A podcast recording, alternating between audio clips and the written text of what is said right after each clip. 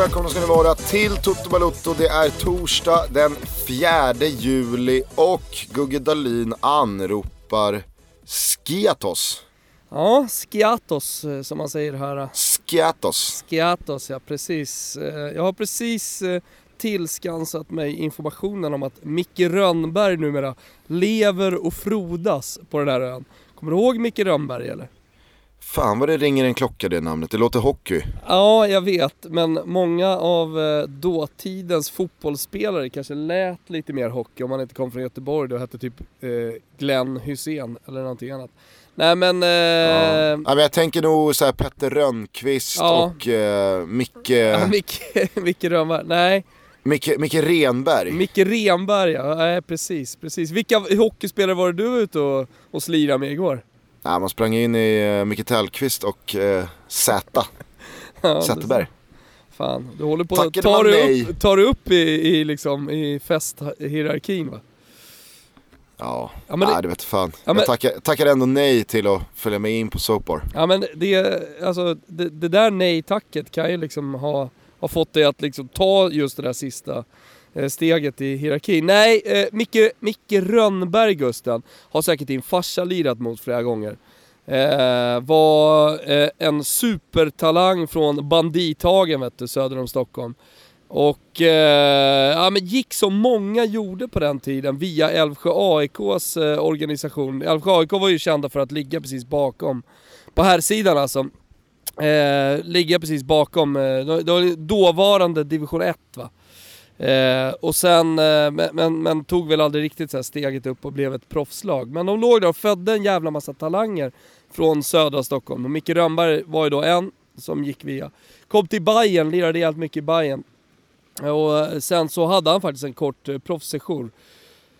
Micke Rönnberg hur som helst hamnade här på Skiatos eh, och har levt ett ganska, ja men, eh, folk på den tiden, jag såg att Olof Lund har twittrat honom. Alltså folk som är tio år äldre än mig kommer ihåg Micke Rönnberg. Han har också gjort eh, A-landskamper och sådär.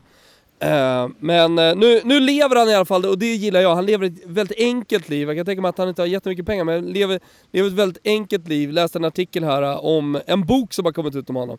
Där det stod att han delade terrass med en 87-årig gammal sjökapten. Jag tänker att, och så skriver han dikter och, och bara liksom myser. Alla här på ön, Skiathos, alla greker vet vem man är. Och inte bara här, alltså för all del i hela den här lilla övärlden som jag befinner mig i. Det låter väl som att han eh, har, eh, han har checkat ut och avslutat sitt, eh, sitt liv och sin karriär på det sättet man, man vill att fler ska göra. Ja, ja, men faktiskt exakt. Vi pratade om mallen på Tinnerholm. Kanske är, är Micke Man blir Rönnberg liksom då- ledsen när, man blir ledsen när Håkan Mild kränger glass i Göteborg. Ja. Finns någonting med Ravellis efterkarriär också som, jag vet inte. Men eh, de har det säkert jättebra också, alltså alla är olika. Vi, jag, jag, tror- jag, tror, jag tror att det är betydligt svårare att checka ut som Micke Rönnberg än att checka ut som, eh, ja men eh, vad vet jag, alltså Ravelli som, som ändå på något sätt gör, eh, gör någon slags entreprenörskarriär med, med kläder och, och så vidare och så vidare. Alltså kolla på, ja men, många som, som eh, är väldigt, ja men arbetar väldigt mycket. Kolla på Martin Dahlin. Som har haft klädmärken och allt möjligt och, och driver eh, fotbollsagentur och alltså har, har man det drivet så går det inte att checka ut. Alltså då dör man ju av tristess förr eller senare. Jag skulle dö av tristess om jag bara skulle sitta på en terrass, skriva dikter tillsammans med en gammal 87-årig grekisk eh, sjökapten. Det skulle ju aldrig gå såklart. Nej, nej kanske inte. Men eh, ni har det bra där nere i eh, Skiatos i alla Vi har fall. det bra. Jag, jag, söker, jag söker nu Mike, som han kallas här på ön, eh, för en... Jag, jag vet inte, för en kommentar, jag vet inte vad den skulle, kommentaren skulle vara, men något slags samtal inför nästa veckas podcast i alla fall. Eh, så att eh, det, det, det pågår en liten jakt här och jag har ständigt eh, min lilla mikrofon med mig. Så håll tummarna då. Det känns som att eh, ska man följa upp Filip Hammar ska man nog inte göra det med en utcheckad Micke Rönnberg nere från Skiatos. Nej men jag tänker att fem minuter kan, Micke bara Rönnberg, bli, eh, kan bara bli sämre. Ja, men jag tänker att fem minuter Micke Rönnberg ändå kan vara någonting. Ja, kanske. Tack förresten eh, allihopa som har hört av sig med fina ord om Filip Hammar-avsnittet. Det var, vart ju väldigt uppskattat. Ja, eh, förutom ett par då, så sent igår så ramlade det in sämsta avsnittet någonsin var det två som- tyckte. Så Ja. det är så här, antingen gillar man det eller så hatar man väl det. Men många eh, verkade eh, älska det. Så att, eh, tack så mycket såklart. Det är alltid kul. Det är alltid kul, för, för det händer, det ska vi fan säga Gusten. Det händer ju, varje gång vi har ett gästavsnitt så får vi någon som skriver det här var det bästa ni har gjort. Mm. Just nu med Filip så var det ju ganska många som skrev att de tyckte att det var det bästa. För jag menar, gillar man han och gillar man hans podcast och gillar man oss eh, och vår podd, ja men då är det klart att det, det kan bli jackpot då för vissa. Så det förstår man ju. Eh, Men, men, eh, men eh, Tobbe Hysén fick också ett eh, bästa avsnitt vi har gjort, så att jag menar, ja. Det är, det är så. Jag tror inte att mejlet hade trillat in ifall vi hade satt oss ner med Micke Rönnberg. Tror jag fan att jag hade gjort alltså. Jag tror Olof Lund hade blivit glad. Hörni, eh, det här är ju dagen efter Sverige torskar surt, surt, surt VM-semifinalen i förlängning mot Holland. Kommer inte säga Nederländerna. Och det är inte viktigt för mig att säga Holland och inte säga Nederländerna utan det är bara, det är bara så att jag säger Holland. Ehm, så att jag, jag, jag, kommer, jag kommer förhålla mig till Holland i kommande minuter. Men eh, fan vad surt. Det var ju verkligen en match som Ja men den stod ju upp, vägde åt båda hållen och det kändes som att hur än det här slutar så går det inte att säga att det är orättvist. Och den hade kunnat sluta åt andra hållet och det hade inte, liksom, det hade inte gått att säga att det var orättvist i sådana fall. Sverige har ju några chanser att avgöra, Holland har några, det är någon jätteräddning från Hedvig Lindahl. Det kändes verkligen som att gör bara det där målet så löser det sig här. Men, ah, fan vad surt. Ja, nej men det är sådär, det blir lite slarvigt tycker jag. Eh, jag tycker att oavsett eh, vem som är värd eller ve- vem som inte är värd att gå vidare så tycker jag att min starka känsla långt in i matchen, även när vi tappade den lite, var att om vi bara vill, om vi bara fokuserar, om vi bara är med med huvudena i den här matchen så vinner vi den. Och sen så, Ja. sen måste jag också bara säga Gusten att du är den sista som nu ursäktar dig över för att du säger Holland och inte Nederländerna. Jag vill aldrig mer höra den meningen. Har jag den på TV då Ja, kommer nej, jag jag- kasta ut den där jävla TVn alltså. För det, det Jag det ursäktar mig inte. Nej, jag vet. Jag, eh, jag, det, är, det är ju snarare tvärtom. Ja. Jag skiter i att säga Nederländerna. Jag säger Holland. Liksom, man har levt ett helt liv på ett visst sätt, sen så helt plötsligt ska det vara på ett annat sätt. Nej, eh, så, där, så där håller vi inte på med. Nej, men, eh, och därför blir jag irriterad. Jag blir irriterad att Sverige inte vinner den här matchen. Alltså besvikelsen övergår till någon slags ilska. Och hur fan kan jag vara arg på en liten grekisk övärld? Det är väl helt jävla eh, sinnessjukt. Men jag är fan det. För att vi hade den där matchen. Det där är en sån här match som, som eh, alla spelare som var med, speciellt de som spelade igår i Lyon, aldrig kommer att glömma. För den där matchen hade vi! Jag skiter i att det var 50-50 och att Holland hade chansen. Den där matchen hade vi! Jag vet att vi hade den där matchen. Och vi väl, vi, det är liksom så på något sätt, det det är vår match att bara vinna. Det är så jävla störande.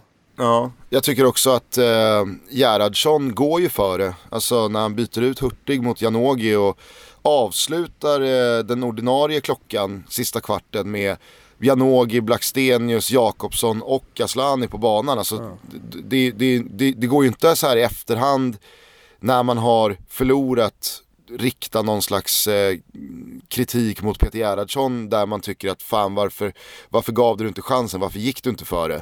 Eh, för det kändes inte heller som att man förlorade på att det fanns eh, en extra Nej. offensiv spelare sett till startelvan på banan mot slutet av matchen. Utan det stod och vägde, något lag skulle göra det där första målet och Gerhardsson gick i alla fall före. Så att jag, jag, liksom, Jo, det, det, det, finns ingen, det finns ingen coachmiss här att Nej, prata om. det tycker inte jag heller. Eh, däremot så tycker jag att de spelarna som kommer in inte är där med huvud 100%. De har inte... Ja men säg Aslanis inställning då. Alltså Aslani hon, hon eh, lever och dör i den där matchen. Alltså hon är, hon är helt otrolig. Alltså i, i inställningen. Och jag, jag tycker också i beslutsfattandet som jag har kritiserat, inte henne men, men liksom svenska landslaget under turneringen för en hel del. Men, men fan vad hon sliter och går in i närkamper. Hon är minst på plan men vinner nickdueller och tar stryk så inåt helvete genom hela matchen. Vi ska ha minst två, tre gula till. Vi ska ha straff, eh, alltså det blir också förbannad på, jag får återkomma till det, domarjävlarna alltså. Så jävla usla och inkonsekventa i det här mästerskapet alltså. Så att ingen borde få döma igen. Nästa jävla dammästerskap, ta in proffsdomare istället för de här jävla amatörerna som springer runt där nere. Ja, eh, ta in Steffe Pepsi. Ja, ta in Steffe Pepsi. Jag får fast styra Steffe Pepsi är fan i toppform här hemma. Ja, det, ja, finns de som, eh, som tycker annorlunda efter hans senaste insats. Men eh, jag har hört om eh, Bickan också. Jag har hört att hans, hans biceps växer och växer. Jag har också hört att han var på, eh, vad heter den här festivalen på Gärdet? Fy fan vad gammal jag blir som inte kan det. Lollapalooza. Lollapalooza, jag har hört att han var där också. Nej, eh, men ja, jag tycker inte heller Janogy kommer in och är sådär, liksom vill, vill allt. I alla fall visar hon inte det. Jag ser inte det i utstrålningen. Jag tycker sen, ja Hurtig gjorde väl ett bra defensivt arbete och hon var helt okej okay framåt. Men eh, det blir så uppenbart att vi saknar Rolfö eh, faktiskt i den här matchen. Jag vill liksom inte såga dem, fan de har gått till semifinal och allting. Man måste vara, kunna vara ärlig och, och liksom säga det också. För att jag menar, när de friska benen kommer in, när det är så varmt, och när man får, får, eh, liksom gör alla de bytena, det kommer in två pers till på övertid, eller på förlängningen. Alltså då, fan ja. satan vad det ska spritta i de där jävla benen alltså. Du ska springa så in och alltså, helvete! Alltså Janogy defensiven joggade ju hem liksom. Ingen av de svenska inhopparna hade ju hade ju samma klipp i, i, i buggarna som eh, van de Sanden som kom in i, i, i Holland. Van de Sanden, största pajasen jag sett i hela den här mästerskapet. Hon gjorde ingenting. Visst, hon kanske hade klippt Nej, jag tycker hon gör... Nej men sluta! Hon, är, hon, är, hon kommer ingenstans. Hon bara springer och ser löjlig ut och springer och, springer och småflinar och, och har sig. Vilken jävla töntspelare alltså. Ja, jag, jag, håller inte med dig där. Jag tycker att eh, hennes, hennes inhopp var bra. Hennes inhopp fick det att vikta lite mot, mot eh, Holland och hon gjorde ju det som ingen av de svenska inhopparna gjorde. Alltså fick med sig, fick in ny energi, fick in ett momentum, fick in någon slags tro på det. Utan... Men sen tycker jag hon var kass. Det är liksom så här för mycket all talk på henne. Massa babbel och massa joddel och massa vevande med armar. Sen, jag såg ju avsluten. Hon ska ju, ska ju sätta någon boll där för Holland. Och så, så dåliga passningar, dåliga inlägg. Nej, jag håller inte riktigt med. Vet du vad som är viktigt nu? Att ta bronset? Ja, det viktiga nu är att det någonstans i det där laget finns en Thomas Brolin som för 25 år sedan insåg att det är så jävla mycket roligare att nypa det där bronset och komma hem med en medalj och avsluta med en seger och göra någonting av en sån här fin insats över ett helt mästerskap. Och att liksom få in den känslan i hela gruppen. Snarare än att det, liksom, en sån spelare lyser med sin frånvaro. Man går ner sig, man tycker att det är jäkligt tråkigt. Hedvig Lindahl pratar om att hon ska sluta. Caroline Seger pratar om att nej, då blev det aldrig någon VM-guld för mig. Nu är det över. Det kommer, alltså så här, skit i det nu. Nu finns det en match kvar. Visst, det går att peka på att England har en dag mer vila, bla bla bla. En bronsmatch handlar alltid om vilka vill det mest. Det är det enda som kommer att avgöra. Ja, och jag kan säga så här, och visst nu har hon varit med i podden och det finns någon slags relation och så vidare, men en spelare som verkligen vill det, det är Olivia Skog. Jag fattar inte varför hon inte kommer in igår. Jag tycker hon har sett fin ut mot Tyskland när vi spelade mot dem i, på Friends Arena. Eh, i, ja, men inför VM, jag tycker att hon känns som att hon har hon har ju den energin du pratar om med van der Sanden i kvadrat. Hade vi fått in henne igår så hade det gjort all skillnad på den vänsterkanten, jag lovar dig. Jag trodde faktiskt att hon skulle starta istället för Rolfö.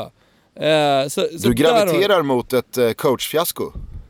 Nej, jag kan väl inte göra så jävla mycket mer. Nej. Ska du hänga Gerhardsson högt här nu? Nej, det ska jag fan inte göra faktiskt. För jag tycker, jag, jag, ska jag du skrika avgå? Jag, jag, jag håller faktiskt med dig om att han gör, han gör ju rätt byten, alltså han gör offensiva byten. Men jag hade, alltså så här, nu, jag har inte varit med på träning, fan. Vad kan jag veta? Man får väl ta mina ord för vad det är. Liksom. Men, men, ja, men jag är ändå Är det avgåläge? Vad sa du? Är det avgåläge? Nej, men sen så ska ju inte förbundskaptenen sitta allt för länge. Det, det är jag liksom av den eh, väldigt eh, eh, starka uppfattningen om. Alltså, Janne ska fan sitta i tio år. Ja, Janne kan faktiskt få sitta. Eh, han har hittat sin perfekta roll i, i, i yrkeslivet liksom. Han ska vara förbundskapten, så att absolut. Han, han, han får gärna fortsätta. Eh, det var lite som Lars Tommy liksom. Eh, jag, jag, tyck, jag tyckte det var helt rätt att de var kvar länge också. Mm.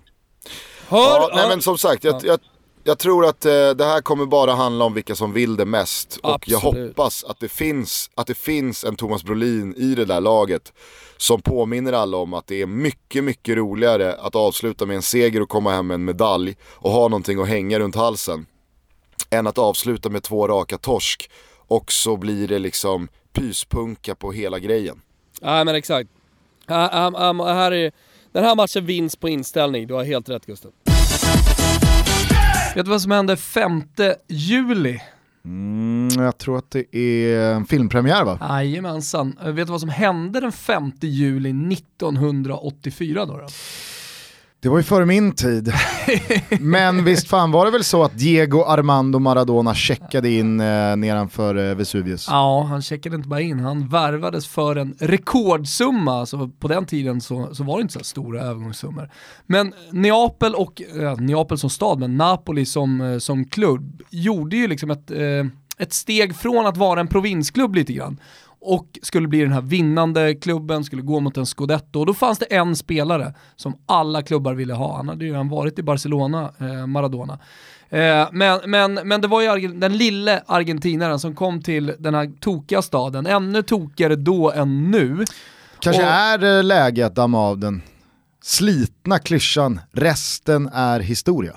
Ja, och jag tror också att alltså, det finns ett italienskt eller napolitanskt ordspråk. Eh, Lappalainen har ju skrivit en bok som heter Se Napoli, eh, eller Se Neapel och sedan dö. Det är ju ett napolitanskt ordspråk eh, som är eh, Vedi Napoli poi mori.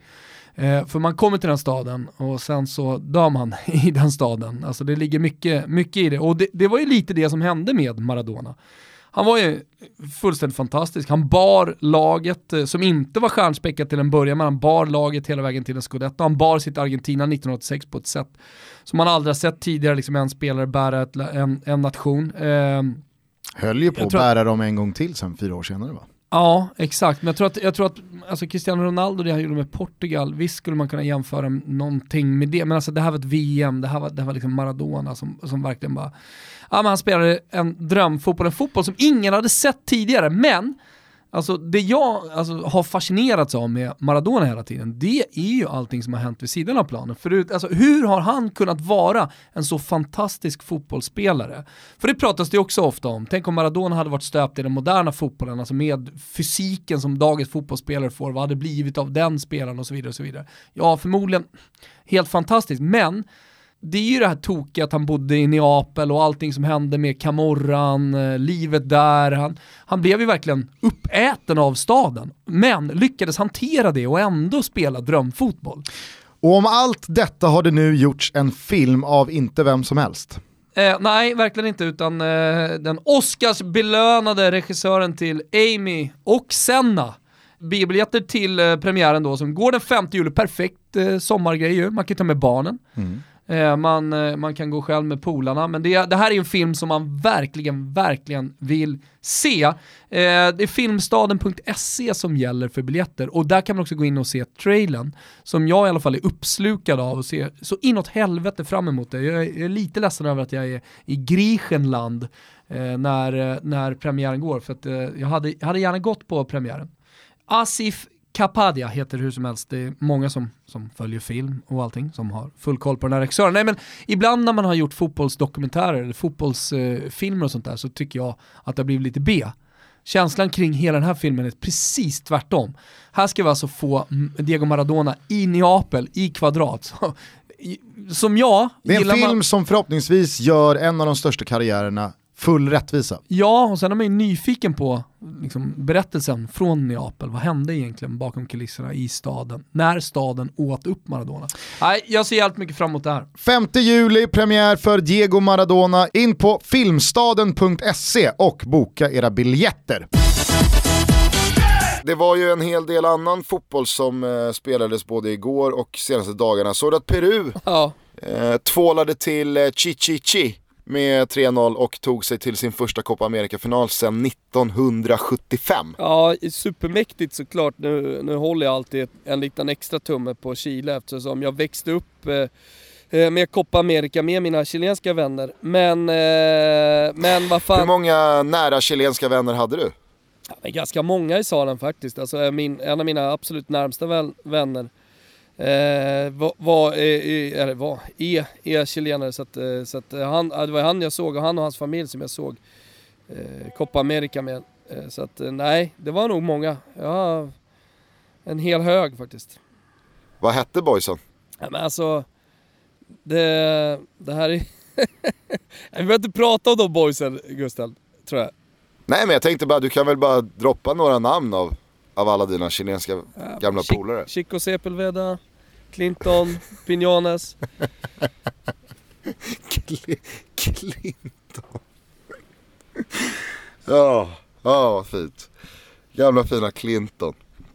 Eh, nej men Då jag tyckte det var kul. Alvaro, men alltså, bytte jag... namn till Clinton. Ja, Snyggt. Eh, jag, eh, jag såg inte matchen i natt, eh, däremot så noterade jag här målskyttarna när jag vaknade och eh, först och främst så gör ju Yoshimar Yotun, gamla Malmö FF-spelaren, han gör ju 2-0 kassen. Eh, men jag blev också glad när jag ser då att Guerrero eh, fick sätta dit straffen på tilläggstid och sätta spiken i kistan. Guerrero som många då kommer säkert ihåg från eh, succépodden Tutski Balutski där vi pratade mycket om Peru. Och han blev en följetong under våren fram till VM i Ryssland. Där han alltså blev avstängd för eh, kokain. Eh, alltså kokain i blodet. Han hävdade att han hade druckit te. Ja. Men det sket ju, är det KAS? Eh, ja, som är instansen som, som, eh, som dömer. Ja, De skiter i hur det har hamnat i blodet. Jag tror ju inte, det gör ju inte du heller, att eh, Paolo Guerrero har druckit te, utan att här har det dragits liner. Det är väl framförallt um, tuggats kokablad, det är väl det? Jo, men det tror man ju inte heller är varför det har hamnat kokain i Jag tror fan att han har tuggat kokablad. nej. Gjorde Clinton nej, det nej, way back when? Nej, nej, nej. Han var en toppgubbe. Nej, men jag blev glad för Guerreros skull då. Alltså, han fick ju till slut spela VM, men det vart ju sån, alltså så här, hela, hela Perus, eh, de mötte ju Sverige i, i eh, något slags genrep. Eh, vissa, vissa fotbollskonnässörer med, med lite bättre koll än pöben målade ju ut Peru till den stora outsidern, det kommer du ihåg? Absolut. Sen så blev det ju liksom en, en väldigt meningslös insats från Perus håll, gjorde väl knappt mål och, och stod för en väldigt slätstruken figur. Ehm, så att jag tycker ändå det var kul att Peru fick sin framgång. Nu vet vi inte hur det slutar här i, i finalen mot Brasilien. Men för Guerrero, för Jotun, för ett, ett litet land som Peru så måste man ju ändå älska en sån här framgång, ah, att, de ja. får sitt, eh, att de får sitt mirakel. Ja men det, det är såklart supermäktigt och, och Copa America, eh, jag vet inte hur många som följer Tancredi Palmeri eh, på Twitter, eh, folk tenderar ju att ha liksom olika åsikter om, eh, om honom. Eh, men han är i alla fall där och rapporterar, så jag läser, skriver och liksom suger i mig allting som, som, eh, som man får se där, därifrån Brasilien. Eh, och det, det, verkar ju vara så jävla tryck. Så alltså är det någon, någon, något mästerskap jag gärna skulle vilja åka till så är det ju Copa America någon gång. Eh, kanske om det går i mm. Peru någon gång, det kanske hade varit supermäktigt. Men eh, länderna reser ju i, i, i mängder med supportrar. Ja, verkligen. Och så hade vi ju klassiska matchen ju... som vi inte har berört också med, eh, Superclásico mellan Brasilien och eh, Argentina. Ja, där kan man snacka tryck. Vilket jävla ös det var på läktaren. Ja men det, det, det är helt otroligt, det är på en annan nivå liksom. Det är passionen når gränser när det gäller landslag som eh, inte riktigt finns i, i Europa. Alltså läktarkulturen kanske jag ska säga snarare än passion, för passion finns så inåt helvete. Men men eh, just att man tar med sig den här klubblagsläktarkulturen in i landslaget, nästan så att den, den blir ännu värre höll jag på att säga, men, men låter gör de i alla fall på läktarna. Och sen så då får man ju säga återigen ett misslyckande för, eller misslyckande men eh, inte någon titel heller den här gången för Messi. Ja exakt. Eller Argentina, hur man nu väljer att se på det. Absolut. Men visst, Messi jagar vidare. Samtidigt så kan jag ju tycka, alltså, om, man nu, om man nu pratar usla domarinsatser både i dam-VM och i allsvenskan. Alltså det sker ju på en sån här nivå också. Alltså det, det var ju, vissa beslut kändes ju direkt löjliga. Att inte en, att, alltså så här, om man har VAR och inte ens kollar grejerna som skedde i den här matchen. Nej, äh, jag, kan, jag kan ändå förstå Messi och de argentinska spelarna som ah, ja. går ut efteråt och, och, och, säger att det här, det, här, det här kunde inte ha slutat på något annat sätt. Brasilien skulle till final mm. på sin hemmaplan. Ah. Så var det bara. Mm. Eh, jag hör vad de säger. Ja, absolut. Alltså, det, det är ju sådär i tider av VAR och, och ständiga liksom, så domarmissar. Alltså, en sak måste man ju ändå liksom säga, det är att det har inte blivit bättre på domarfronten sen jag växte upp. Och man minns eh, att domaren missade Guds hand på Maradona till exempel. Det har fan knappt blivit bättre sen dess. Nu när man har alla Nej. jävla eh, möjliga eh, hjälpmedel som finns liksom. Snarare, du sa det när du och jag diskuterade VAR första gången. Eh, och vi stod mm. verkligen i två olika ringhörnor.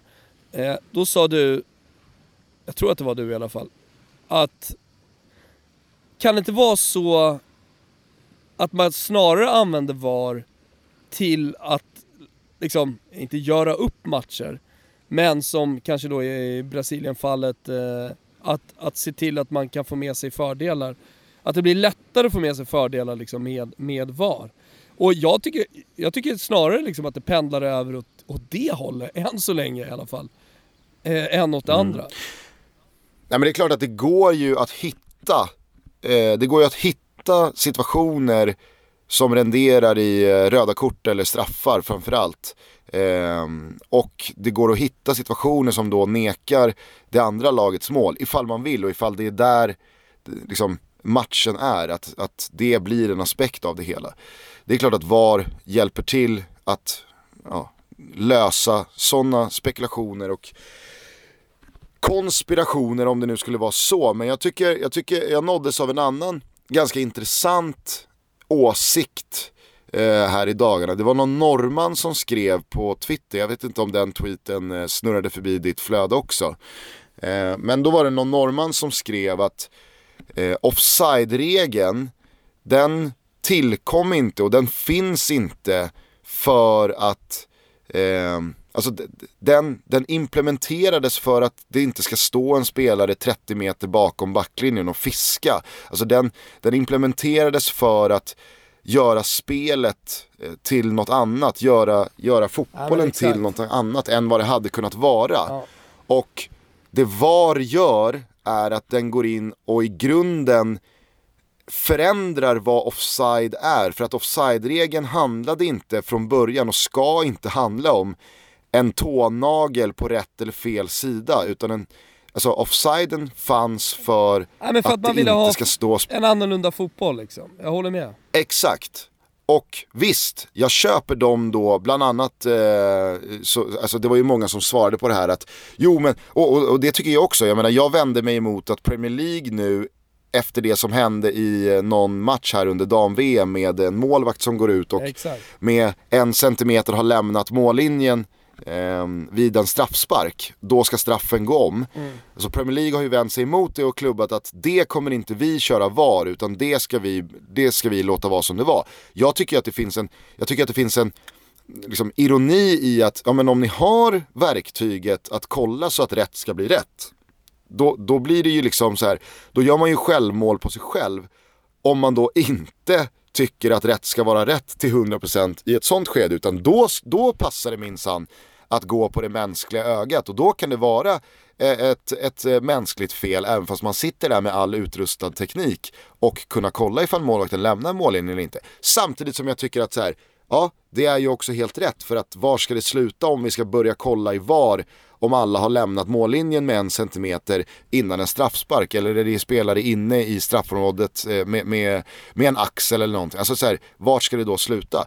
Så att jag förstår ju de som tycker att, jo men en offside med en tånagel är lika mycket offside som någon som är offside med 10 meter. Men jag tycker ändå det var ett intressant perspektiv att ta att, vänta här nu, skapades inte offside-regeln för att vi skulle få en viss typ av fotboll, för att vi skulle få bort det här. Inte hålla på och hitta en axel eller ett knä eller en tånagel som är offside. Ja, men jag, jag håller faktiskt helt med.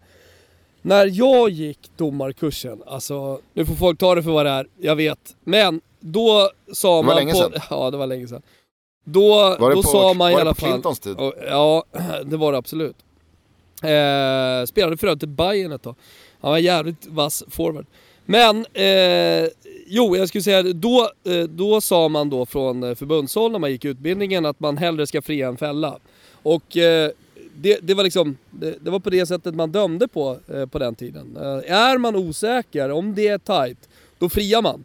Sen så tycker jag att det där övergick till att man snarare hellre fällde. Eh, alltså i proffsfotbollen och det har varit så på slutet. För att man är så jävla rädd att släppa igenom, som domare alltså, släppa igenom. Som du säger, ett knä, en tånagel eller eh, liksom, ja, eh, en, en, en kalufs som råkar stå framför. Eh, jag tycker att man borde gå tillbaka då, snarare. Och eh, hellre fria än fälla. För att jag, Vilket man jag, givetvis inte kan göra med VAR, för att där kan Nej, nej. du ju konstatera att ja, det är en nagel som är offside. Så och då ska det vara offside. Ja, ja. Så. Att, ja, jag tyckte det var, det var, det var en eh, intressant eh, åsikt där från Norrbaggen som jag tyvärr inte minns namnet på. Men jag skrev det i dagarna här, accelererat efter Glenn Nybergs, återigen, ganska så tveksamma insats i det allsvenska mötet mellan Bayern och Häcken. Du kommer ihåg för, vad är det, två år sedan? Eh, när eh, Jiloan Ahmad eh, väljer att spela vidare när Häcken har slagit ut bollen och så Visst. gör de mål och det är strypgrepp och Glenn står efteråt och, och pratar om att han fick en blackout och ja, det vart ju ett jävla liv. Eh, återigen, alltså, nu dömer han Häcken Bayern igen eh, och det blev väl minst sagt en omdiskuterad domarinsats. Det går ju eh, till 100% att argumentera för att Solheim ska ha frispark i vad Glenn anser vara axel mot axel. Det som föranleder Häckens 1-0 mål. Sen så går det att diskutera om det ska vara rött på eh, Mats Fenger eller inte. Det går att diskutera huruvida Djurdjic eh, mål som han gör ska vara godkänt. Å andra sidan så är man ska alltid komma ihåg att mål som döms bort med en vissla innan bollen är i nät är för mig i alla fall aldrig samma sak som ett mål som görs där man kan se på spelet att här, här är alla påkopplade och Nej, det blir mål och sen åker en flagga upp. Nej, det är något annat. Det finns nyanser självklart i det här, jag håller med dig. Ja, jag kan tycka att liksom så här, visst, det, det, går att, det går att argumentera för att det inte ska vara frispark, frispark åt Häckenhåll när Djurdjic sätter höften och, och går in i, i den duellen. Men Glenn, alltså så här, det går att blåsa där och det är precis det Glenn Nyberg gör. Sen att Djurdjic vänder sig om och sätter bollen i nät två sekunder senare, ah, det blir någonting annat, i alla fall för mig. Ja, det blir något annat men- även om man ser situationen såklart eh, som hade liksom kunnat följa. Exakt. Nej men dag, dagen innan var det väl eh, som, eh, eller var det söndags, eh, som då eh, Steffe Pepsi hade en, en tung dag eh, på jobbet i, i eh, matchen AIK-Malmö. Där det också i och för sig slog åt båda håll. Det blev ju inte den här att Nej. Bayern Alltså i häcken bayern matchen så var det ju liksom, det, var, det fanns ju en Hammarby-ringhörna som hade, de hade fått allt emot sig. Häcken hade inte fått någonting emot Exakt. sig. Eh, i, I matchen AIK-Malmö var det ju snarare, eh, det var ju åt båda hållen. Malmö blir nekad någon straff, AIK blir nekad ett mål och så vidare och så vidare. Eh, men då skrev jag på Twitter och jag tyckte att det var liksom så här, ibland kan det vara värt att påminna om att det här är allsvenskan, det här är Sverige, vi är 25 i Europa. Hur kan man, alltså så här, in, in, inte hur kan man, men det kan man ju också ifrågasätta, men man, man bör nog ibland i alla fall påminnas om, eller komma ihåg, eller tänka på att domarna är ju ungefär lika bra som spelarna i det här landet. Alltså, tittar man på vilken nivå spelare i Allsvenskan håller så inser man att här görs det misstag som inte är speciellt bra. Som är ibland direkt horribla, ibland direkt märkliga. Och då måste man förstå att det kan domare också göra. Sen så, kan, sen så säger inte jag att man inte ska tappa det. Skåpet kan få gå, man kan få en hjärnblödning och bara menar- spy, spy ut sin galla över domaren. Det tycker jag också man som supporter har rätt att göra, jag säger inte det. Men ibland kan man behöva påminnas om att det är orealistiskt att tro att domare ska göra felfria insatser Ja. när inga spelare gör felfria insatser. Ja men det tycker jag din, eh, du, du förklarar det bättre och jag skulle vilja lägga på, det är bara att kolla på hur det ser ut i division 7, 6, 5, 4. Ja då har du en division 4-domare. Det brukar vi till och med säga, Ja. ja. men så klassisk division 4-domare. Eh, du har ju Kviborg liksom som är nere och harvar i, i division 7 också. Påstår ju sig kunna liksom sätta varenda offside. Man vet ju att det är ju 30% träffprocent på Kviborg vad det gäller offsiden. Ja men det är ju så. Det är som såhär division 7-domare, division 4-domare, allsvensk domare, Champions League-domare. Jag fattar vad du menar, jag tyckte, jag tyckte bara din tweet var lite rolig. Eh, alltså så här, den, ja, den, den förklaras, ibland vissa saker förklaras bättre i en podcast än i en tweet. Men jag fattar vad du menar. Så är det ju. Nej, men och, så, och så finns det två perspektiv till i och med det här som jag tycker är viktigt att lyfta. För att det här pratade vi bland annat då med, med Stefan Johannesson om. Och det kan, alltså, så det kan jag ärligt säga, det hade inte han behövt sitta där och prata om. Jag hade, alltså, jag, jag tror att du eller jag, alltså du rör dig ju också eh, i, i, eh, i eh, ungdomsfotbollen på ett helt annat sätt än vad jag gör. Ja. Men även fast jag inte gör det så vet ju jag åt vilket håll det går för domare vad gäller ja, men liksom, lusten att befinna sig på de här planerna. Jag vet vad som skriks från de där sidlinjerna. Jag vet vad som sägs från spelare väl ute på plan i en division 3-match eller en division 4-match. Alltså, det är inte roligt. Och jag kan tänka mig att det för varje år som går signas upp mindre och mindre och färre Ja, och färre domare i det här landet. Det Det kommer så. bli färre och färre domare och då, då, då förbättras ju inte direkt möjligheterna för att vi ska ha bra domare. Så att ju sämre det här klimatet blir, för jag tycker att det också har skruvats upp tongångar mot domare. Och sen så är jag den första att säga, precis som Stefan Johannesson också sa, nej, 2018 var vi för dåliga.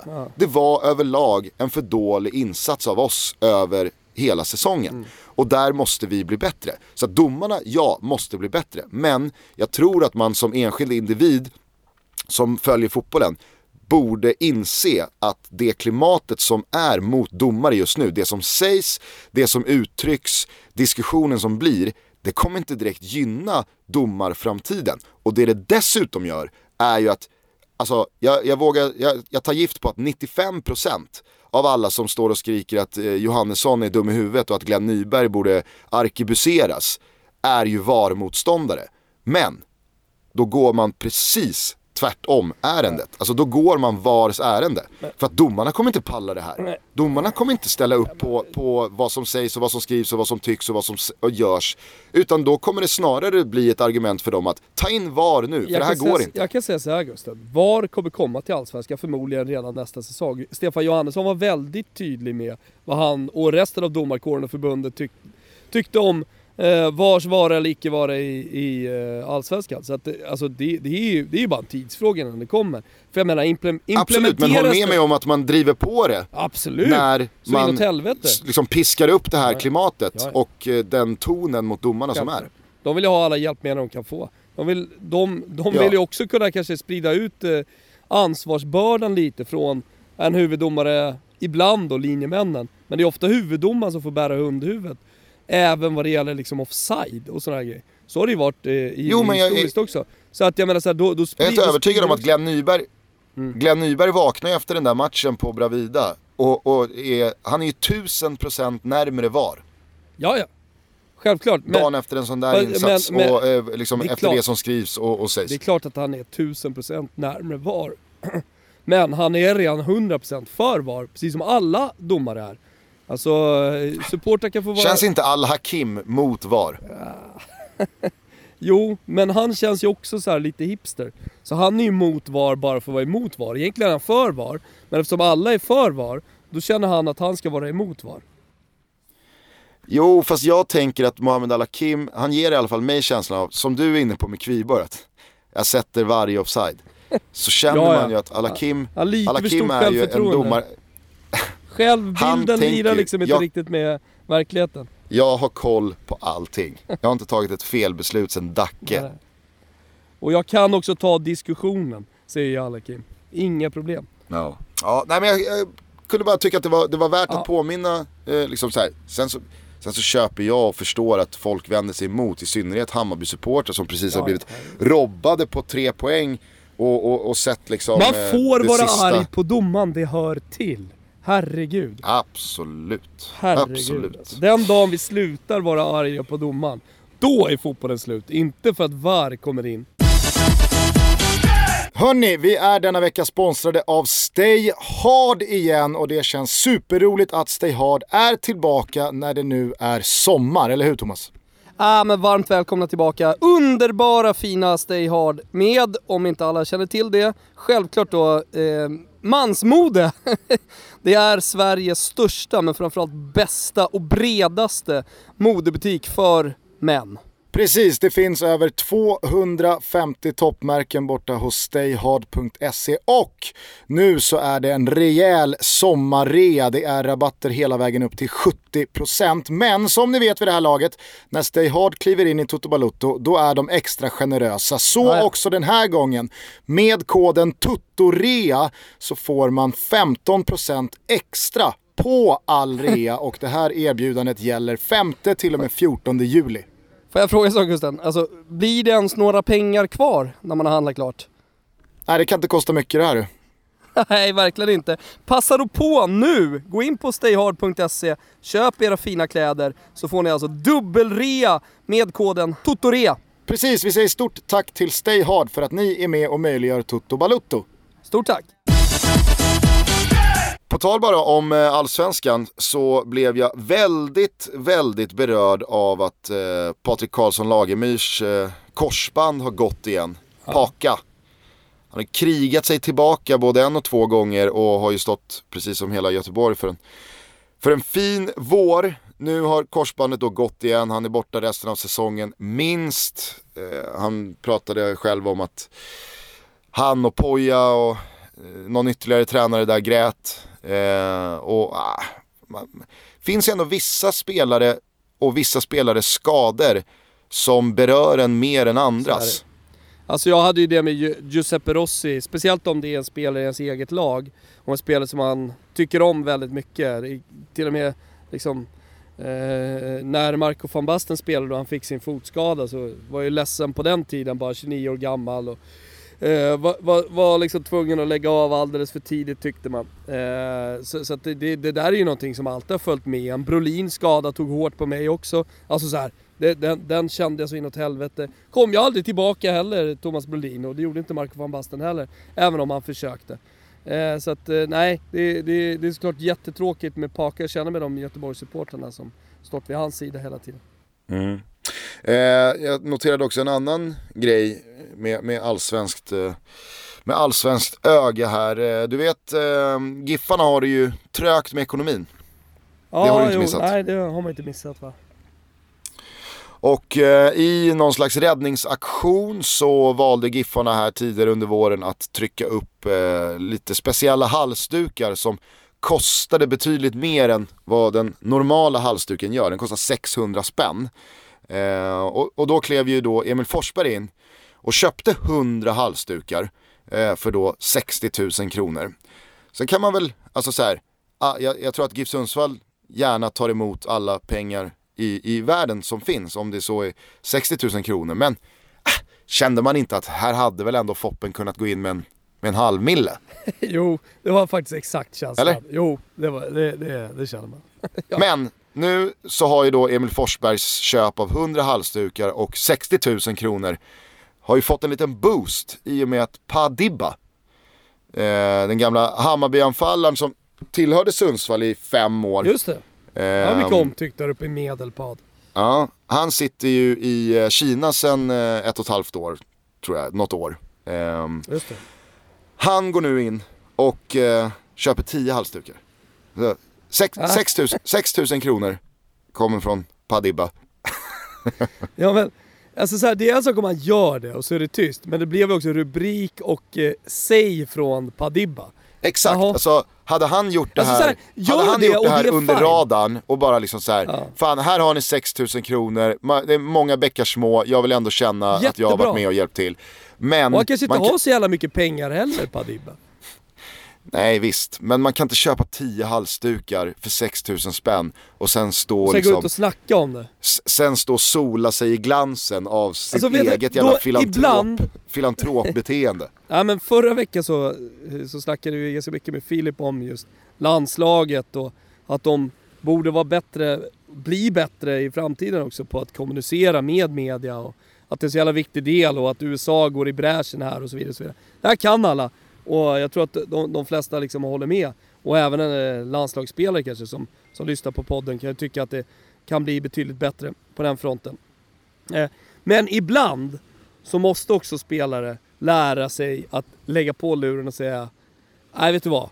Det här är inget vi snackar om. Vi släpper det här. Det här är, det här är en skitgrej. Jag inser att det är en skitgrej. Så vi låter det bara vara. Det här var ett tillfälle när Padibba missade möjligheten med att vara tyst. Verkligen. Han blev lite för sugen på credden Ja. Så och så slog det tillbaka istället. Vi har ju eh, en eh, mailadress va Thomas som heter totobalutta.gmail.com. Där rullar det in en hel del mail varje dag om både ditten och datten. Folk som hör av sig och rättar oss, folk som kommer med andra infallsvinklar och åsikter kring ämnen vi har pratat om och ibland så kommer det bara liksom mail som berör saker som har hänt någonstans ute i fotbollsperiferin. Just det. Eh, och jag, eh, jag fastnade för ett sånt mail igår. När jag satt och tog en bärs solo uppe på Götgatsbacken. Eh, gick jag igenom lite olästa mail i eh, våran gemensamma inkorg. För att så är det ju att vi har en gemensam inkorg och när du då har läst mail så försvinner de som olästa hos mig. Eh, så att det händer att jag missar en del mail ibland. Eh, men jag har också börjat svara på en hel del mail Gustav. en hel del är väl en, det är väl en skarv. Det är mer än innan. Ja, det, det, det kan jag köpa. Nej men då, då så fastnade jag för ett mail som vi fick till oss den 27 juni, alltså för en vecka sedan. Eh, och då skrev Pude Touch så här. God morgon mannar, tack för alltid lika trevlig lyssning. Vet inte om detta är något ni kan eller vill prata om, men det kanske ger er en syn om hur det är hos oss på gräsrotsnivå. Vi är en helt ideellt driven klubb med ett par små sponsorer för att täcka klubblokalshyra och så vidare. Det rullar runt fint. Idag har vi hemma i division 7 östra Uppland, Rånäs IF, 50 minuter norr om Stockholm. Det är inget vidare skönspel men vi snittar 40-50 personer på matcherna och från i år så har vi även ett gäng ultras, sköna grabbar som vi äldre måste köpa ut pyro till. Efter det årliga klubbarrangerade midsommarfirandet, det 75 i ordningen, där vi slog rekord med över 170 bilar och 500 besökande, så kommer vi måndagen efter och 45 taggade barn födda 2011 till 2013 påbörjar sin fotbollsskola. Allt rullar på kanon och vår Pride and Joy, vår grymt fina fotbollsplan, glänser och allt är frid och fröjd. Tisdag morgon väcks man av ledarna som säger att någon kört sönder hela planen.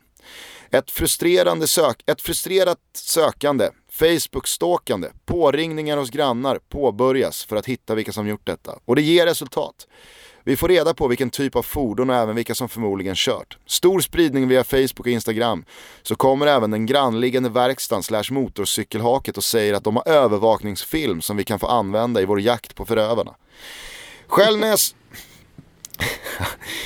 Själv när jag såg övervakningsfilmen så kom det en tår och känslan av våldtäkt.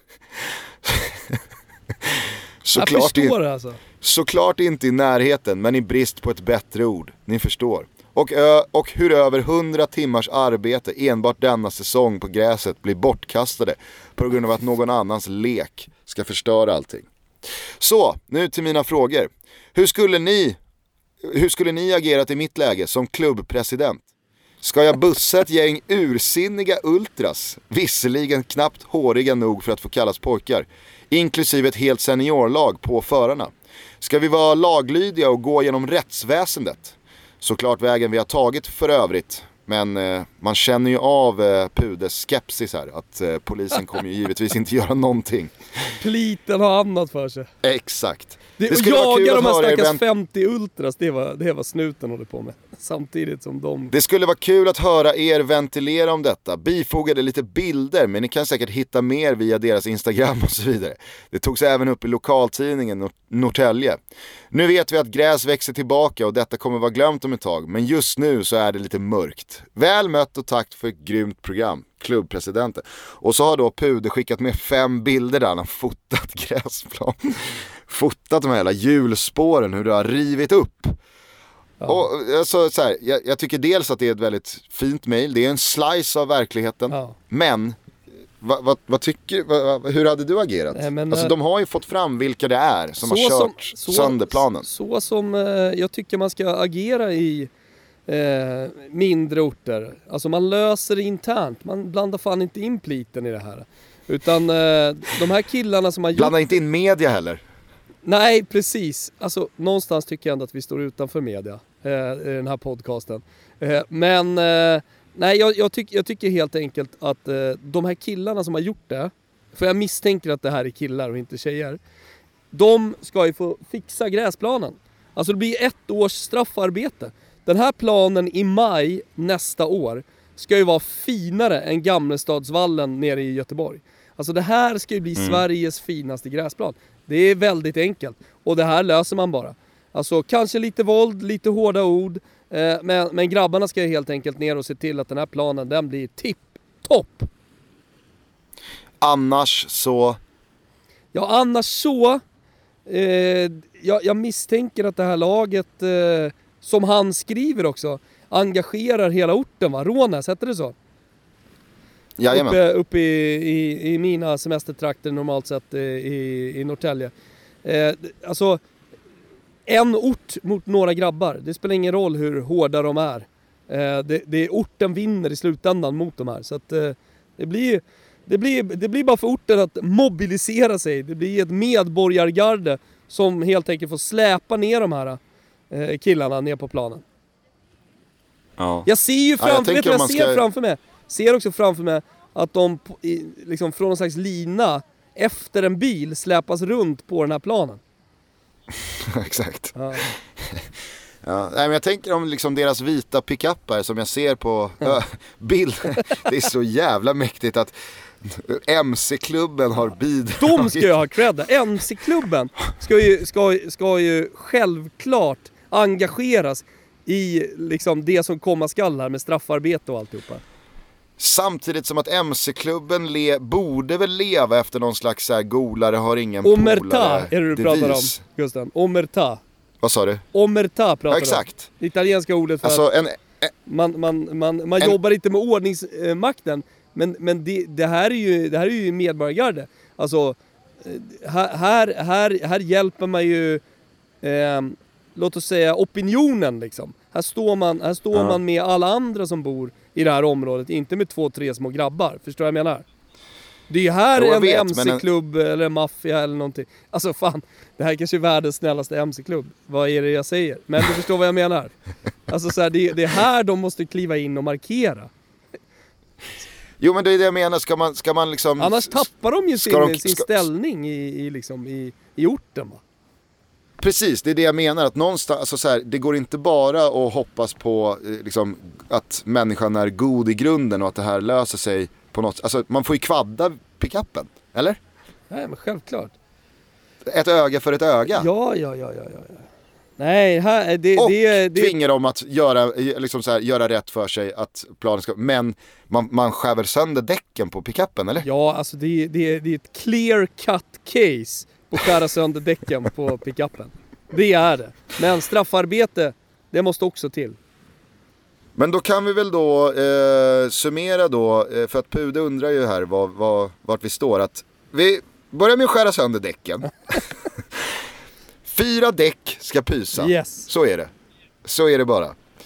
Eh, och sen så ska då, eh, det ska klubbas fast att de inblandade killarna ska, de ska fixa plan. Ja, Om exakt. två månader så ska den vara bättre än vad den var Ja. innan midsommar. Så.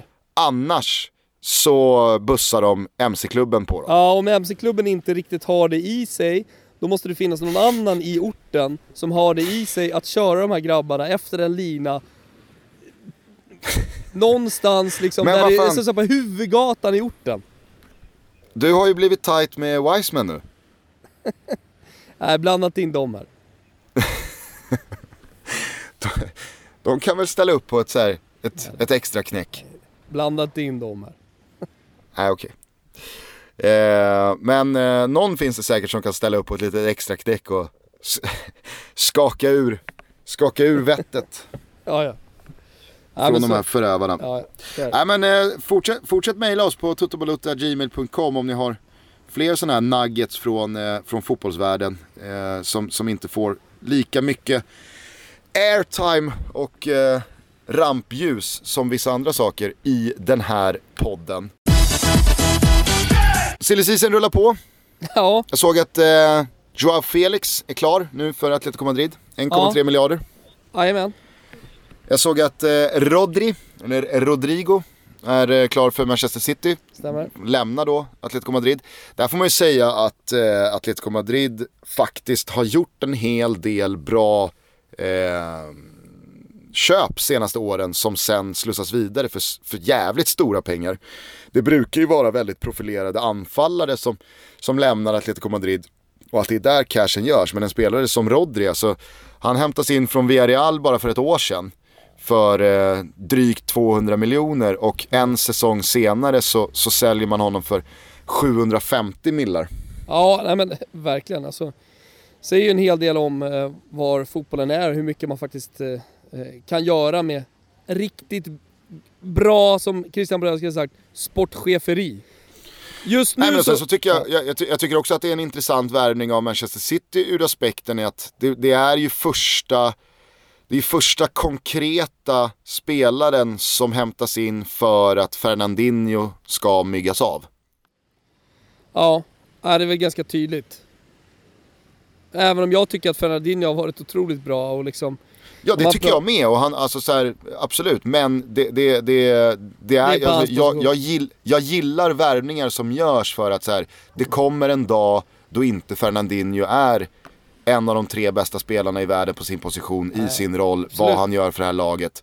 Och, och, och, och jag gillar klubbar som inte sitter och väntar på den dagen utan att man lägger stora pengar för att hämta en spelare att ersätta Fernandinho redan nu.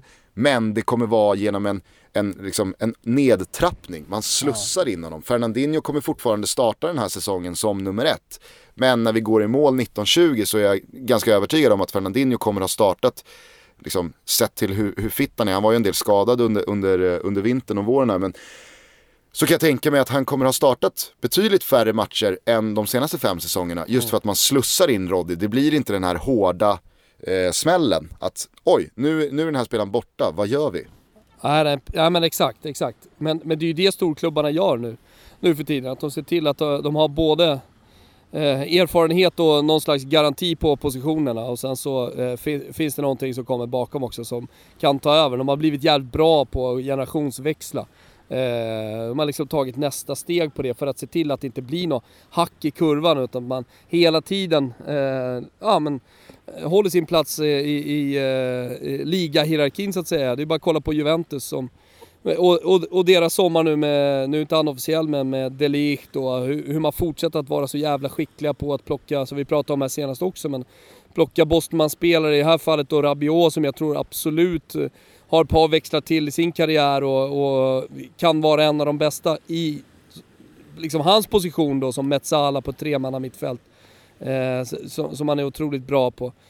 Eh, Vi och sen- pratade ju om Rabiot för någon, för någon vecka sedan. Alltså, Jag lanserade ju då min, eller lanserade men jag, jag, jag eh, luftade i alla fall att jag inte trodde att om nu Rabiot kommer så innebär väl det att Pogba inte kommer. Jag vet inte vad, vad, vad italiensk media har landat i men ser man till vad det finns för centrala mittfältare i det där laget nu. Alltså behöver de ens Pogba? Ja men, ja det är klart att de behöver det och det vore körsbär Jo men du fattar vad jag menar. Alltså, att jag här, fattar det, vad du menar. Det, är- det är inte den delen av truppen, det är inte den delen av Men- laget som behövs förstärkas här nu. Eller, alltså så här, Pogba spelar ju på en annan position jämfört med, med Rabiot, eller de kan leva tillsammans och eh, det, det är det jag tycker Juventus ändå gör bra, att eh, även om man tycker att det ser helt okej ut på, eh, ja men i en viss lagdel så kan man, eh, kan man ändå förstärka det. Och finns det öppning, finns det möjlighet att ta, ta in Pogba, ja men då, det är klart att man ska gå för det. Då, då ska man anstränga ekonomin och då, då, ska man göra allt. För att i Juventus så var han så förbannat jävla bra och han kan vara ännu bättre nu med lite mer erfarenhet och, och eh, ja men eh, jag, jag, tror att han har växt ändå av sessionen i Manchester United.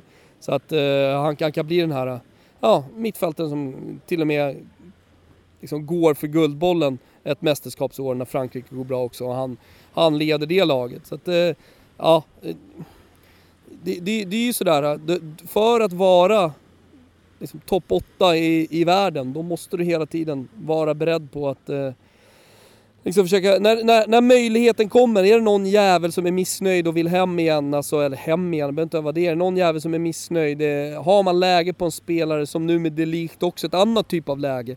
Ja men fan, då, då måste man gå in, all in för det för att hänga med och vara där uppe liksom. Oh, jo, absolut. Så att du, du menar att Rabios ankomst, den har inte förändrat eh, Pogba till Juventus-aktien överhuvudtaget? Nej, jag tror faktiskt inte det. Utan eh, alltså, de, den lilla möjligheten som finns att värva Paul Pogba, eh, de, de, den liksom är kvar och den jobbar man på eh, i Juventus-läget. Även om det finns annat fokus just nu, i alla fall om man får tro de italienska medierna denna torsdagsmorgon. Eh, för eh, mm. mhm. pryder återigen då Mauro Icardi i omslag. Det har varit rätt tyst om honom. Du har hört hur jag liksom lite släpande har eh, eh, tagit mig ifrån frågan i Icardi och det är ju för att man faktiskt inte vet eh, vad, liksom, vart åter barkar för argentinaren. Eh, det har pratats ganska mycket Napoli den senaste tiden, men nu visar det sig i alla fall att på Ibiza, där fler, dit fler och fler fotbollsspelare hittar på sommaren, eh, så befinner sig Paratici, alltså Juventus eh, sportsliga eh, ansvariga får man säga nu eh, i tider då Marotta inte längre är kvar. Eh, ligger på samma strand som Mauro och framförallt då hans agent och fästmö Wanda Nara.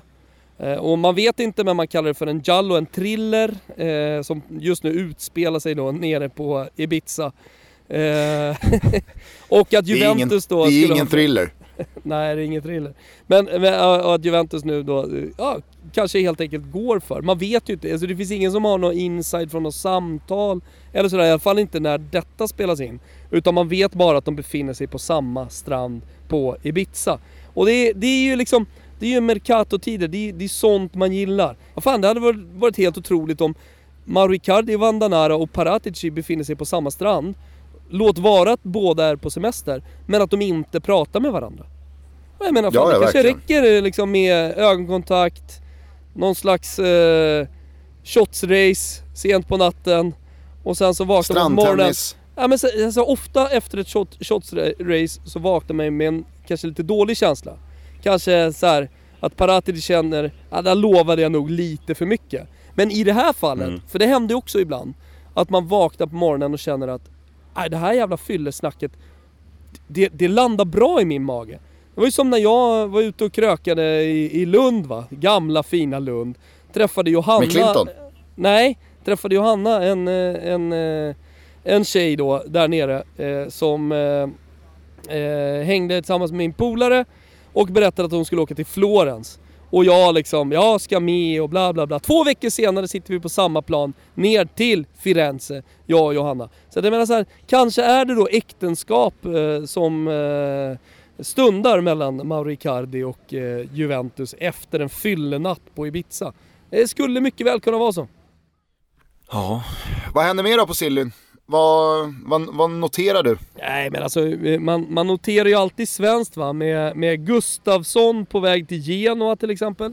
Det är ju sånt som, eh, alltså så här, ta, ta ytterligare ett kliv i, i karriären. Sånt som jag tycker är lite roligt och jag tror ju på tvillingarna Simpa och Sampa.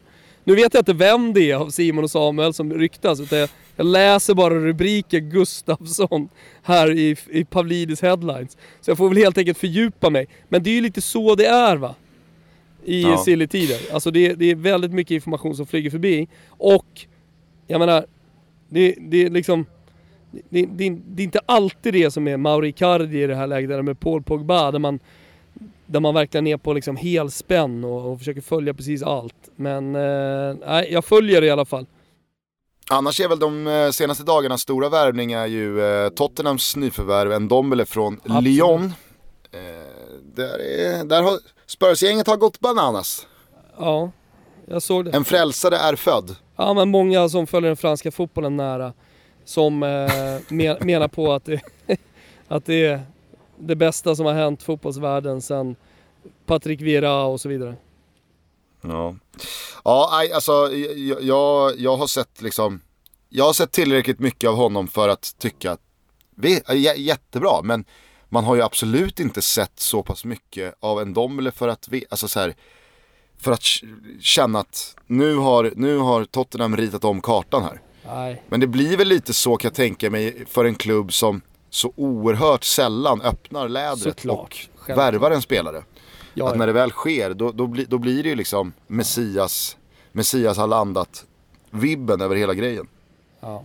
Nej, men helt Vad tycker, klart. du för övrigt om, eh, vad tycker du för övrigt om eh, Romas eh, hittepå att eh, i samband med nyförvärv och spelarprestationer att i, att köra liksom, de bilderna i halva bildrutan och i den andra halvan av bildrutan låta rulla bilder på barn som är eh, försvunna.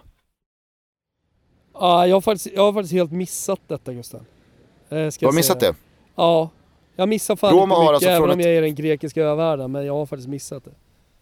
Roma har alltså från officiellt håll valt att hela den här sommaren, hela det här fönstret, alla nyförvärv görs, alltså så här, kommuniceras utåt via sociala medier i samband med att man i hälften av liksom, bildrutan rullar bilder på barn runt om i världen som är försvunna. Ja. Nej men alltså, så här, fan ger uppmärksamhet. All uppmärksamhet i de där casen är väl bra eller? Schnitzel säger jag. Absolut, absolut. Men hade man inte kunnat göra det på något annat sätt? Alltså det, Kanske för, inte. mig blev det så, för mig blev det så jävla konstigt att med ena ögat sitter jag och tittar på Spinazzola hålla upp Romas tröja och han sitter på en träningscykel och han, sitter, och liksom, han står framför en kamera och fotas och ler och ger tummen upp och han pratar om hur, Ja, hur härligt livet är och att det ska bli så jävla kul att spela i Roma. Och sen så sitter jag och liksom som, som en tennismatch i, i, i fast forward och tittar till höger där då åttaåriga Carlos, han är försvunnen i, i, eh, vet, i, i det kanske- Colombia. Det är kanske är det som behövs vet du. Det kanske är liksom att någon får upp ögonen. Jag vet inte. Men eh, jag, jag, jag håller med om att det tenderar till att vara lite makabert. Alltså, eh, även Ja. om det, det, det hade kunnat varit ännu värre. Men, men jag håller med. Det hade väl varit mycket bättre att Roma tar det ansvaret, tar den positionen och skickar ut de här, alltså så här enskilt, separat. Kanske. Men nu, nu sitter jag liksom och tittar på en Ja, men lycklig Spinazzola. för någon. Någon liten Ja. grekisk pojke här som jag liksom, nu ska jag gå in och kolla. Kanske, kanske jag har sett något. Vad vet jag? Vad vet jag? Ja, makabert, makabert var nog rätt ord i alla fall. Ja, vi, ja, vi följer liksom eh, det här med Gustafsson och Barella och silly season och ska ju självklart liksom kliva in och ta ett större grepp vad det lider men det är så mycket som är lösa trådar just nu. Eh, så att eh, det, det, ah, ja, silly season, ni vet att jag älskar det och att vi följer och så vidare men, men eh, jag tycker att media mer och mer, i alla fall internation, internationell media, såg till exempel någonting här nu på tal om att liksom Paratici och Icardi är på samma strand. Det är ju bekräftat liksom. Där finns det ju bilder och så vidare. Men, men, men eh, alltså Il Tireno som är en tidning nere från Neapel eh, kör att James Rodriguez befinner sig på Capri och att liksom, ja nu är det nära. Sen visar det sig att det där stämmer ju inte, han är inte på Capri, det är bara helt jävla påhittade uppgifter. Ja men sen så finns det ju då andra medier som har gått in och rightat den här nyheten och, och inte citerat Tireno och bara skrivit att han är på Capri, men det kommer från Il Tireno. Tireno går, går att ta bort, de ändrar liksom cashmin och alltihopa går, eh, går, går att ta bort eller ändrar i texten. Och i sin tur går de och, och, och då citerar en av de här sidorna som har gått in och snott från Tireno, förstår du? Så att det blir liksom Ja. så här, ja då går de in och citerar dem, att det är någonstans i ursprungskällan. Men det var bara att de hade glömt att, att, eh, att credda Tirreno, förstår du? Och sen så snurrar allt det här runt och till slut så vet man ingenting liksom, var, varken vad som är ut eller in. Eh, och, och det är väl liksom dit eh, lite silly season-världen är på gång. Eh, men, men tur då att det finns eh, Gianluca Di Marzio och andra seriösa journalister som faktiskt följer eh, Mercaton. Eh, så att, eh, ja, jag följer till exempel Barella här nu med stort intresse som ska gå från Cagliari. Som jag tror kommer bli nästa jättestora italienska mittfältarna. På väg till Inter, eller då just ditt Roma. Eh, det sägs att mittfältaren själv vill till Inter. Och så, och men, men Cagliari är beredd att sälja till Roma som har pytsat upp mer pengar än vad Inter har gjort. Ja men du, du hör liksom. Så att det är olika viljor och, och sådär. Men, men det är ju, det är ju liksom en del av silly som jag verkligen tycker är rolig att följa. Sen några år så har jag ju tagit position att jag, jag, bryr mig bara, jag bryr mig bara när saker är officiella. Jo men samtidigt så finns det ju roliga backstories, det måste du hålla med om också. Jo, absolut. Men det, som du är inne på, det tenderar ju att allt för ofta bara vara gripet ur luften och vara skitsnack. Absolut. Och så engagerar man sig i någonting som egentligen bara är, är påhittat. Först när jag ser eh, efterlysta och försvunna barn, då vet man. Nu är det officiellt. Ja. Nu, har, nu har Roma plockat någon, någon ny gubbe. Hörni, jag eh, tycker att eh, alla som eh, befinner sig i eller kring eller är på väg dit, alltså eh, Båsta, ska kika förbi Pepsis eh, Pepsi Max Taste Challenge. De kör eh, Summer on Båsta här nu i helgen. Eh, nästa vecka så är det Putte i parken i Leksand och sen så är det tre dagar California i Varberg eh, veckan efter det. Eh, inte bara är det ju en rolig blindtesttävling mellan Pepsi Max och eh, andra koladrycker på marknaden. Det är dessutom en jävla fint häng med Pepsi-gänget och man får som Tutto-lyssnare en liten hemlig gåva om man säger till personalen Tutto, Ja men det är, det är klart man ska göra det. Ta gärna en bild också, skicka in i Sommartutto om ni är nere i Båstad och befinner er vid Pepsi-tältet. Eller om ni befinner er någon annanstans eh, i världen. Eh, så ser vi till att eh, liksom föda sociala medier med härliga sommarbilder under hashtaggen Sommartoto. Gå in på pepsi.se om ni är osäkra på var och när och vad det är för klockslag och så vidare för Pepsi Max Taste Challenge. Eh, dessutom så tycker jag Thomas att eh, vi återigen ska påminna om den tävling vi kör tillsammans med våra vänner på Strive. Det är inte vilken tävling som helst. Nej, man får följa med, alltså vinnarna får följa med dig och mig till San Sebastian och se La Real, Alexander Isaks nya klubb. Se honom, eh, ja förhoppningsvis, eh, tro, högst troligt göra slarvsylta av motståndarna under en match eh, tidig höst. Det kommer bli jävligt roligt, eh, helt sä- säker på det, för det brukar alltid bli när du och jag reser tillsammans, eller hur Gustav? Ja, verkligen. Ja, och eh, det är väldigt enkelt att vara med. Man går bara in under stri- hashtag StriveToto och motiverar varför man vill följa med dig och mig på den här resan. Man kan göra det med text, bild eller video. Hur man vill, man kan också kombinera. Viktigt är dock att man är en betalande Strive-kund Ja. innan den första augusti. Ja. Är man inte det, då diskvalificerar man sig själv från möjligheten att vinna. Så att teckna ett abonnemang på strivesports.com.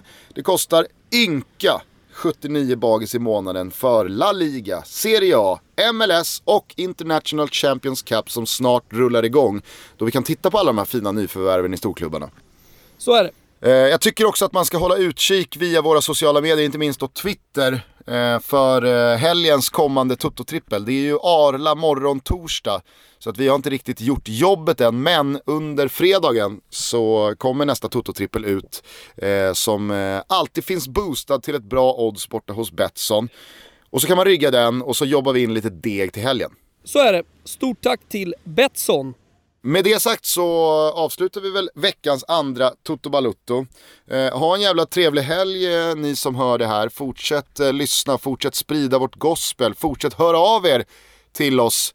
Vi finns på eh, alla sociala medier och via mailen då så får du ha ytterligare några fina dagar tillsammans med familjen nere i Skatos. Jajamän. och Rönnberg också för fan. Ja, ja, men jag ska fortsätta använda, med grekerna, använda min, eh, min, min eh, lilla öppning till eh, ett förhoppningsvis långt roligt samtal. Och du vet vad den öppningen är? Nej, Rönnberg. Nej, det, det, det är inte Rönnberg utan det är Danne Larsson. Det är många här som jobbar, som bor eh, andra delar av året i Thessaloniki. Så det är utrikeskorrespondenten va.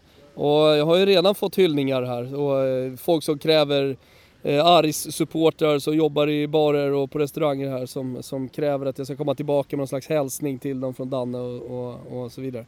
Så att eh, ja, jag, jag ska testa på Mike också. Jag ska, göra, jag ska, jag ska försöka jaga Micke Rönnberg. Men du, hur, eh, hur lite behöver du betala när du nämner att du är god vän med Bosse Pettersson? Nej, alltså det är ju, oson ramlar in. Så är det. det Fan fint att höra att han är stor där nere fortfarande. ja, ja för fan. För helvete. Vi hörs nästa vecka igen hörni. Ta hand om er. Ciao tutti! Ciao tutti!